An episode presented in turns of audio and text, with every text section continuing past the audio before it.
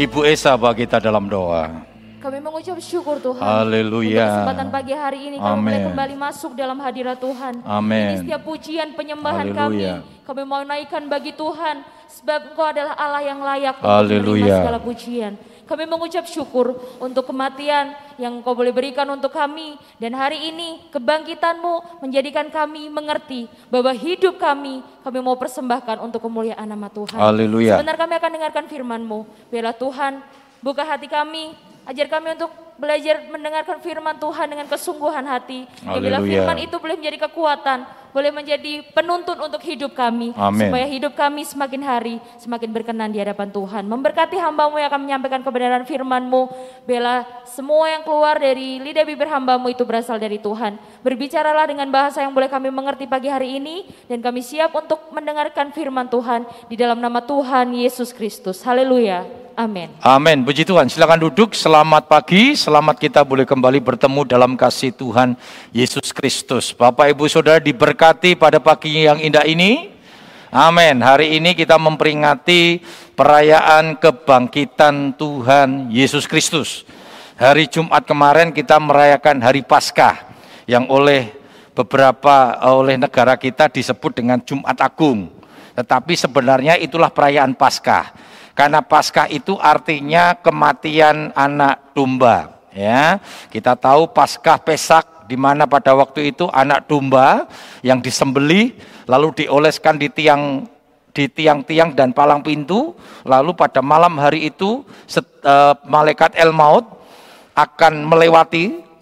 Jadi itulah yang ke-10 bukan hanya untuk bangsa Mesir, tetapi untuk umat yang ada di seluruh Mesir. Ya, jadi bangsa bangsa Israel pun akan mengalami kalau dia tidak taat dan tidak menurut. Alkitab tidak memberikan data apakah ada bangsa Israel yang tidak menurut pada waktu itu sehingga tidak mau menyembelih anak domba, tidak mau mengoleskan di tiang atau di palang pintu. Dan saya yakin semua taat pada waktu itu. Sehingga ketika malaikat El, El Maut lewat ya pesah atau pasah. Jadi pasca itu dari kata pasah atau pesah yang artinya dilewati. Ketika melihat darah anak domba, maka tidak terjadi kematian di rumah itu.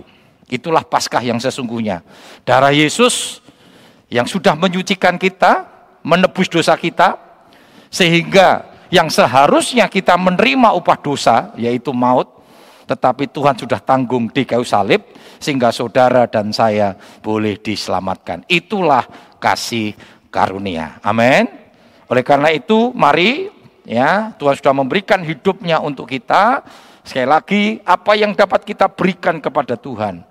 Mari kita mempersembahkan hidup kita untuk kemuliaan bagi nama Tuhan. 2 Korintus 5 ayat yang ke-15, saya undang kita bangkit berdiri, kita akan membaca ayat ini bersama-sama. 2 Korintus 5 ayat yang ke-15.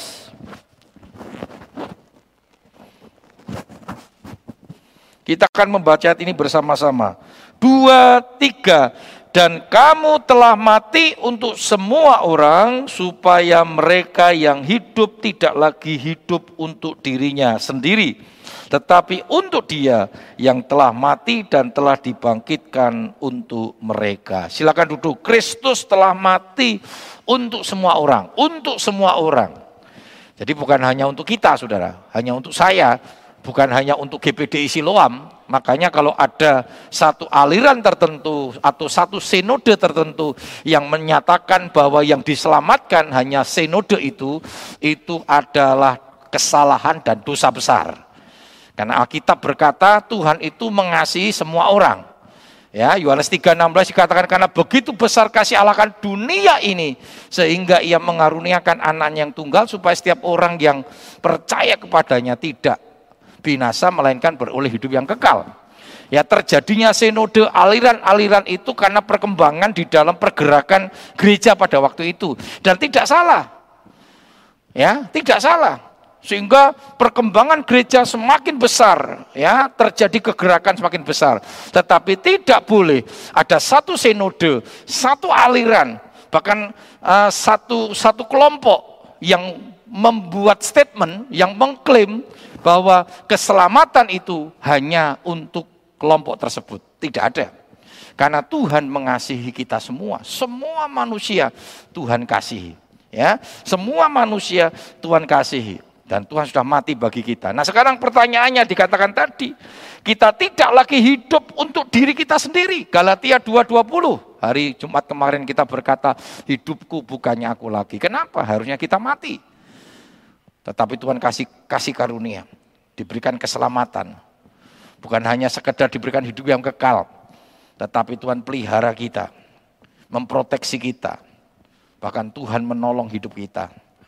Ya, karena itu mari kita mempersembahkan hidup kita untuk kita berikan kepada Tuhan.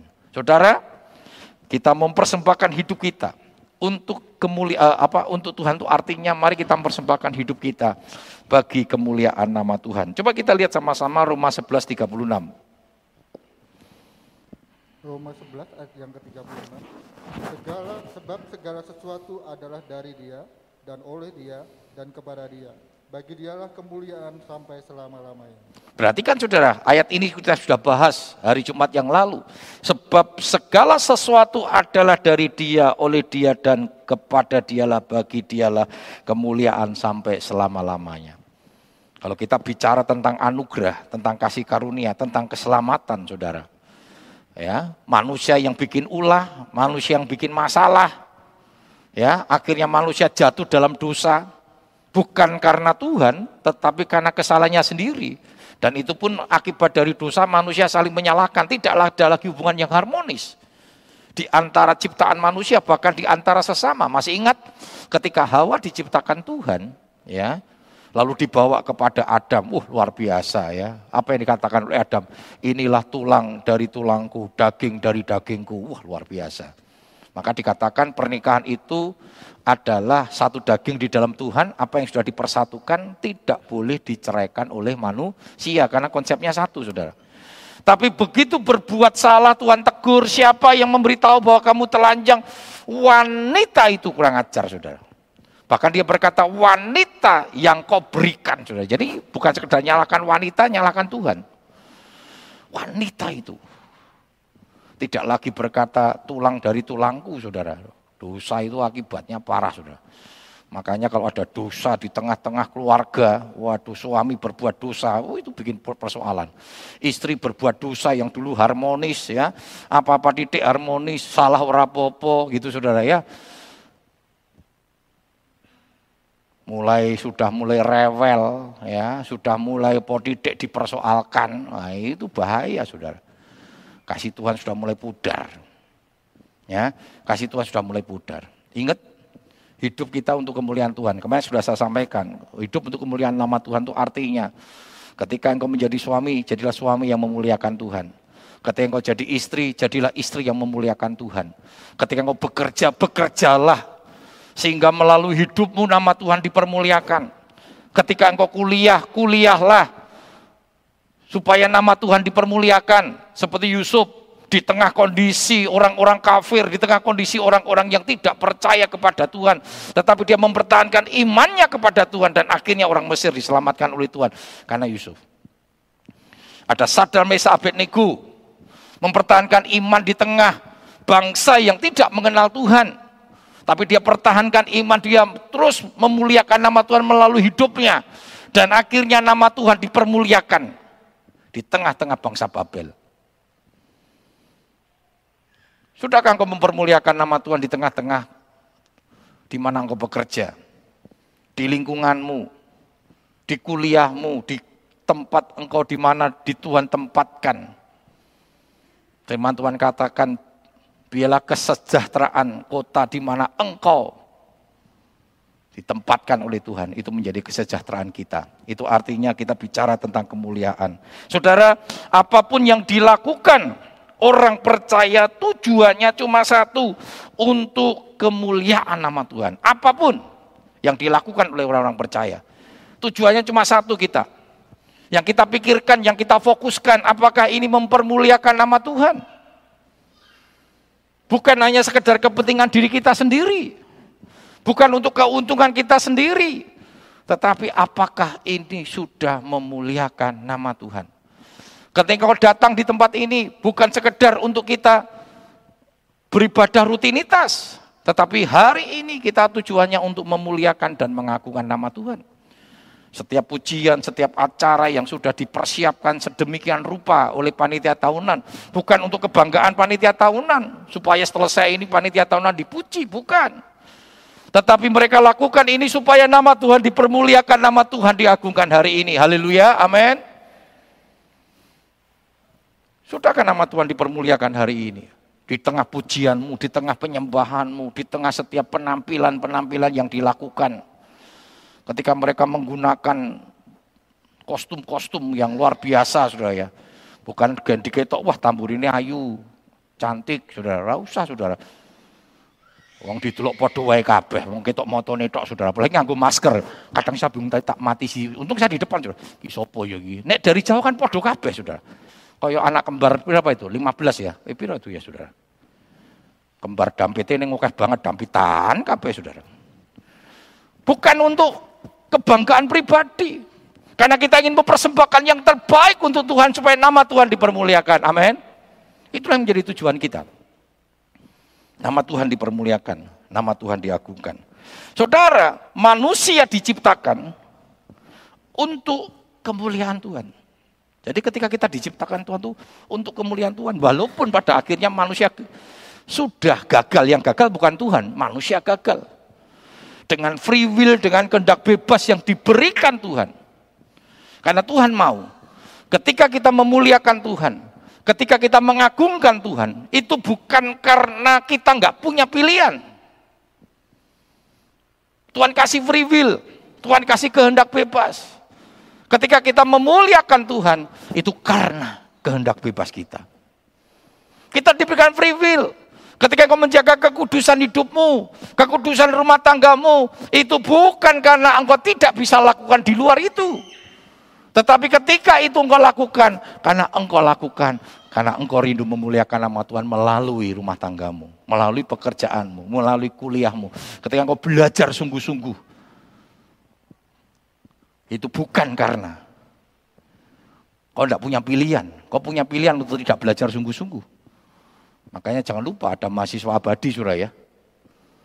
Sudah dikasih warning ya. Ini semester terakhir ini. Kalau sampai nggak selesai DO, waduh. Saya pernah dikasih warning saudara waktu S2. S1 saya cepat sekali sudah karena ambisi ya yang punya ambisi di kampus di Jeffrey sana, kalau IP-nya tiga di tiga setengah ke atas, kita boleh ngambil SKS-nya terserahnya.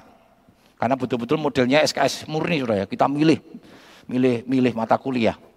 Sehingga ada mata kuliah, mata kuliah. Jadi tingkat satu bisa ketemu tingkat ini saudara ya, selama itu bisa diambil saudara. Saya pernah mengambil 35 SKS saudara. Uh, itu saya stres betul saudara. Ya kuliahnya nggak masalah. Tugasnya luar biasa ya. Kalau di teologi itu lebih banyak tugasnya saudara. Lisensi buku ya. Nanti bedah buku ya. Banyak sekali yang harus di belum lagi membuat makalah. Sekian lembar saudara ya. Saya kejar itu. Saya kejar. Saya tiga tahun selesai saudara. Dengan nilai yang cukup tinggi. Karena saya sponsori sudah. Nah S2 sudah sudah punya anak ya, sudah sudah mengembalakan, sudah menikah, saudara ya. Aduh ya kadang baru ngerjakan tugas, anaknya ngejak dolanan. Ya ditinggal dulu saudara. Diperingatin dari, bagus ini semester terakhir ya. Ini kok belum dimulai tesisnya sudah ya. Gitu, kita kejar ya status semester akhirnya tesis itu selesai sudah ya harus dikejar dan sebagainya. Nah saudara muliakan Tuhan melalui kuliahmu. Jangan kuliah IP ini mepet. Loh kalau memang memang tidak mampu tidak apa-apa sudah sudah berjuang habis-habisan saya katakan sama anak saya. Tapi tidak ingin melihat apa nilai yang tinggi. Kalau kemampuanmu memang dua koma sekian, jangan sampai IP satu koma gak piye saudara ki kuliah yopo itu. Bilangnya pemuda GPD Siloam lagi, aktivis lagi, ketua pemuda, enggak jangan ya. Itu nanti pembina-pembina mulai dipertanyakan itu. Kalau IP ini kau ngono bukan saya kita percaya bukan karena nggak mampu. Ada seorang murid yang menggambar saudara. Menggambar gitu. Lalu diserahkan sama guru gambarnya. Guru gambarnya kasih E. Lalu dipanggil lah muridnya sama guru gambarnya ini. Sini, bodoh kamu ya. Masuk gambar nggak bisa. Gambaran apa ini? Kau ceker ayam. Loh, ceker ayam pun gambaran juga loh sudah betul ya. Oh, gambarnya harus bilang, saya gambar ceker ayam, makanya kan persis gitu sudah ya. Wah dimarah-marahi saudara. Lalu muridnya itu berkata, Pak Guru, itu adalah hasil saya yang terbagus. Dia keluarkan kertas gambar yang sudah diuntel-untel sudah, yang dia buang ke sampah. Ada 10 lembar lebih, dia tunjukkan kepada gurunya, saya sudah berusaha dan inilah gambar yang terbagus. Waduh gurunya langsung sedih saudara. Dia menangis, dia berkata maafkan. Maafkan. Lalu E itu diganti menjadi A saudara. Loh nggak apa-apa. Kalau kita memang raiso bahasa, raiso matematika. Saya ini matematika itu nek iso lulus matematikanya 6 itu mujizat toh saudara. Makanya sekolah kitab saya gen ora ono matematika. Eh di sekolah kitab ada pelajaran angka-angka. Ya, saya sampai berguru sama guru saya. Om, aku iki mlebu sekolah teologi gen ora ono sinus kosinus kok iki ono pelajaran angka-angka. GPD itu ada pelajaran angka-angka. Satu opo, loro opo, tujuh sempurna, sembilan kesempurnaan, empat puluh itu opo, tiga puluh sembilan itu ono. Malah ngapal ke kabeh, Saudara. Ya, tetapi apa pun yang kita lakukan, mari kita lakukan untuk kemuliaan Tuhan. Saudara, apa pun yang dikerjakan dalam seluruh aspek kehidupan orang percaya haruslah untuk kemuliaan nama Tuhan. Seluruh aspek. Kolose 3 ayat 17. Kolose 3 ayat yang ke-17. Dan segala sesuatu yang kamu lakukan dengan perkataan atau perbuatan, lakukanlah semuanya itu dalam nama Tuhan Yesus sambil mengucap syukur oleh dia kepada Allah Bapa kita. Perhatikan saudara, Segala sesuatu yang kamu lakukan dengan perkataan atau perbuatan. Hati-hati saudara.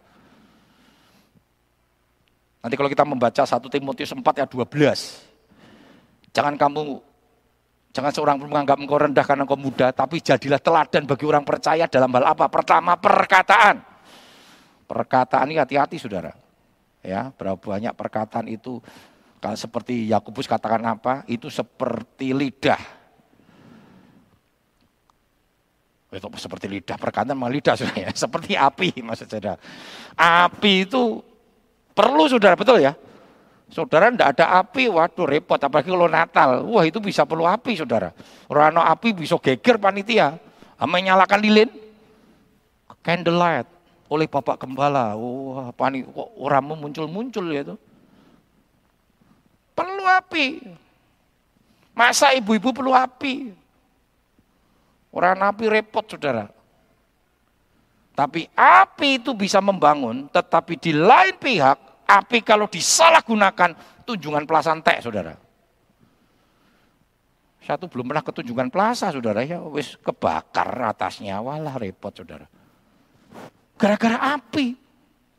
Perkataan itu seperti api.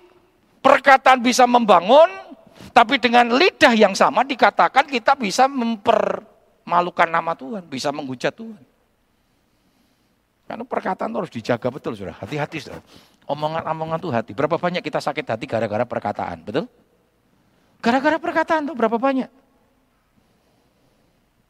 Pelayanan ribut gara-gara perkataan. Panitia ribut gara-gara perkataan. Biasa, saudara. Makanya kita harus jaga perkataan itu. Kita lihat berita huak-huak itu kan perkataan semua omongan-omongan yang tidak jelas. Tidak dipakai untuk kemuliaan nama Tuhan, untuk menjatuhkan orang. Dalam seluruh aspek hidupmu, dalam perkataanmu, dalam perbuatanmu, dikatakan lakukanlah untuk semua. Itu hanya untuk nama Tuhan. Suami istri ribut karena perkataan. Mari kita mempergunakan kata-kata yang baik. Saya selalu katakan ya, saya dengan Bu Ika sering kali konflik, beda pendapat maksudnya. Tetapi kan beda pendapat tidak harus disertai dengan kata-kata yang keras. mata melotot, kata-kata makian. Nggak ada orang yang senang dimaki-maki, saudara. Nggak ada kan? Nggak ada senang orang yang didamprat itu nggak ada, saudara. Ya kita belajarlah.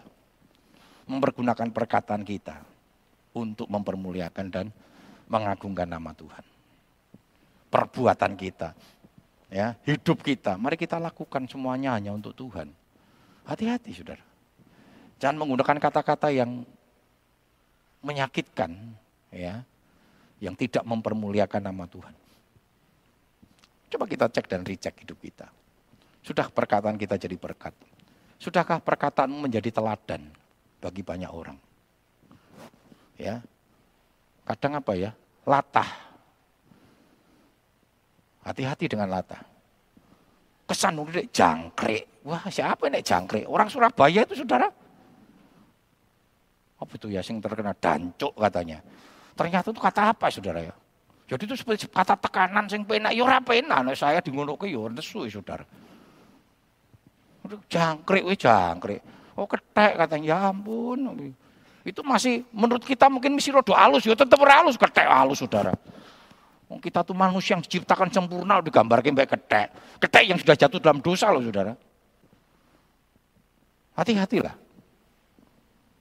Saya pernah ketemu saudara reuni dengan teman saudara. Wah senang sekali ya, wah saudara ketemu reuni saudara. Begitu ketemu teman saya ini memang, waduh omongannya elek banget, miso, eh, wah hing aja bisa miso saudara. Luar biasa tuh. Wah, ing mbok hak cing ndak saudara, bisa miso loh. Aduh ampun iki otak iki ora di bertobat-bertobat mungkin Kristen baptis kayak mesti ora sampai kelelep semua saudara. eh mungkin mesti di atas saudara. Ketemu sama, "Hei Gus, we dia nih si urep toh, tapi kuris mati kata. Itu kangen saya hancur itu sudah. Wes ora kangen-kangen harus ora rasa salam-salaman saya bilang. Oh, itu sekarang nganggo miso barang loh saudara, ketemu di pisu-pisui coba. Pendeta di pisu-pisui. Ya, di miso. Edian nih, wah sedan mana bayangin saudara. Didan-idan ke. Saya tuh ngurusi wong edan mah didan-idan ke saudara. Si urep toh, lah kan enak saudara. Tapi harus mati kurang ajarin. Nudungannya dong elek. Wong saya kita berdoakan berikan panjang umur, diberikan kesehatan, malah dikatakan si urip. Si urip tau lah. Wah, betul sudah. Itu rasa rindu saya itu wis entek wis sudah langsung wah pure wis pengen mulai saya ora reuni-reuninan lah. Ya, ora reuni-reuninan saya bilang. Sudah hati-hati jaga ya. Yang terakhir karena itu jadilah terang bagi kemuliaan nama Tuhan. Matius 5 ayat 16. Matius 5 ayat yang ke-16. Demikianlah hendaknya terangmu bercahaya di depan orang, supaya mereka melihat perbuatanmu yang baik dan memuliakan Bapamu yang di surga. Perhatikan sudah. Demikianlah terangmu bercahaya di depan orang supaya mereka melihat perbuatanmu yang baik dan memuliakan Bapamu yang di surga. Mari kita cek dan dicek hidup kita. Sudahkah hidup menjadi terang? Sudahkah hidupmu berkenan di hadapan Tuhan? Sudahkah hidupmu memuliakan nama Tuhan? Apakah melalui hidup kita nama Tuhan dipermuliakan? Melalui hidup kita banyak jiwa dimenangkan. Loh, saudara, melalui hidup kita bisa banyak jiwa dimenangkan, saudara. Karena mereka apa ya penasaran, ini ada apa tuh? Anak Tuhan kok hidupnya luar biasa ini. Ada apa ini? Membuat penasaran. Sehingga akhirnya mereka datang kepada Tuhan, memuji, mempermuliakan nama Tuhan, karena lihat kehidupannya anak-anak Tuhan. Karena itu saudara, mari kita jaga hidup kita dengan sungguh-sungguh. Ya, kita jaga hidup kita dengan sungguh-sungguh. Jangan sampai melalui kehidupan kita nama Tuhan dipermalukan, tidak dipermuliakan. Mari kita siapkan hati kita untuk terus mempersiapkan hidup kita menyambut kedatangan Tuhan kali yang kedua. Kedatangan Tuhan kali yang kedua digambarkan kita gerejanya seperti mempelai wanita dan Tuhan mempelai pria. Apa sih kaitannya saudara? Maknanya apa? Kok kedatangan Tuhan digambarkan mempelai pria dan wanita? Ini bicara tentang hubungan. Biasanya kalau pernikahan yang dipermak habis-habisan pria atau wanita saudara? wanitanya, betul ya? Dipingit satu bulan nggak boleh luluran, ya, dilulur. Mandi air susu keledai. Saya tidak tahu berapa banyak keledai harus di, waduh, diambil susunya saudara. Loh ada saudara kalau mau saya lihat sering ada di salon-salon. Mandi susu keledai. Kayak kipirang liter keledai ini piro. Setiap hari memang dipersitok, tinggal persiapan mandi saudara. Bar ngono dibuang lagi. Ya nggak tahu kalau dibuang, diliteri meneh didol nggak ngerti saudara. Lu dipersiapan habis-habisan saudara. Wah ada ada paket-paketnya loh saudara. Diduandanin ente-entean ya saudara. Bu Ika mau menikah itu jam 5 harus datang, selesai jam 9 kalau nggak salah ya. 4 jam. Wajah semingin itu diapake petang jam, tambal kono tambal kini, tambal kono tambal kini.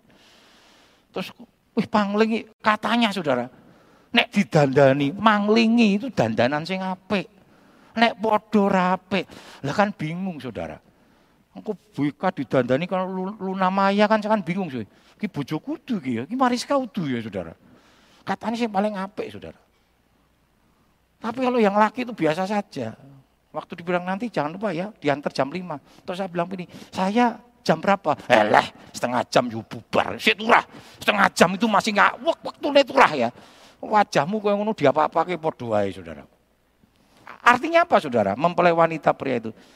Kita sebagai gereja Tuhan digambarkan sebagai mempelai wanita yang harus mempersiapkan diri sedemikian rupa menyambut mempelai pria Yesus. Yang utama apa? Menjaga kekudusan.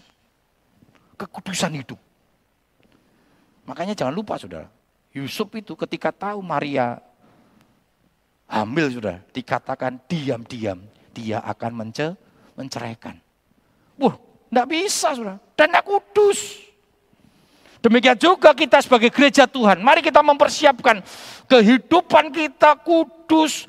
Terus mempersiapkan dengan sungguh-sungguh menyambut kedatangan mempelai pria. Itu bicara tentang gereja Tuhan harus mempersiapkan sungguh-sungguh hidupnya. Berkenan Habis-habisan kita persiapan hidup kita untuk kita fokus menyambut kedatangan Tuhan kali yang kedua. Mari kita jaga hidup kita. Tuhan sudah berikan hidupnya untuk kita. Sekarang mari kita mempersembahkan hidup kita untuk kemuliaan bagi nama Tuhan. Jaga di tengah kondisi yang sulit, tidak gampang. Banyak orang yang bergelimpangan dikatakan seribu rebah, sepuluh ribu rebah. Itu bukan bicara tentang ekonomi saja, tetapi banyak juga yang imannya hancur. Imannya maka dikatakan banyak dipanggil tapi sedikit terpilih. Kita ini seperti ditampi sudah kita berkata kan. Ditampi itu yang kualitasnya bagus akan jatuh ke tampah. Tetapi yang kualitasnya hancur akan terbang. Sudah. Itulah gereja Tuhan. Mari kita siapkan hidup kita. Persembahkan hidup kita berkenan di hadapan Tuhan. Mempermuliakan nama Tuhan. Kita tidak lagi main-main dengan hidup ini. Bukan untuk menakut-nakutin saudara. Karena hidup di dunia fana tetapi hidup dalam kekekalan. Itulah yang menjadi kerinduan kita semua. Mari kita bangkit beri bersama-sama. Ku beri kemuliaan dan hormat. Ku angkat suara pujian. Ku agungkan namamu. Haleluya.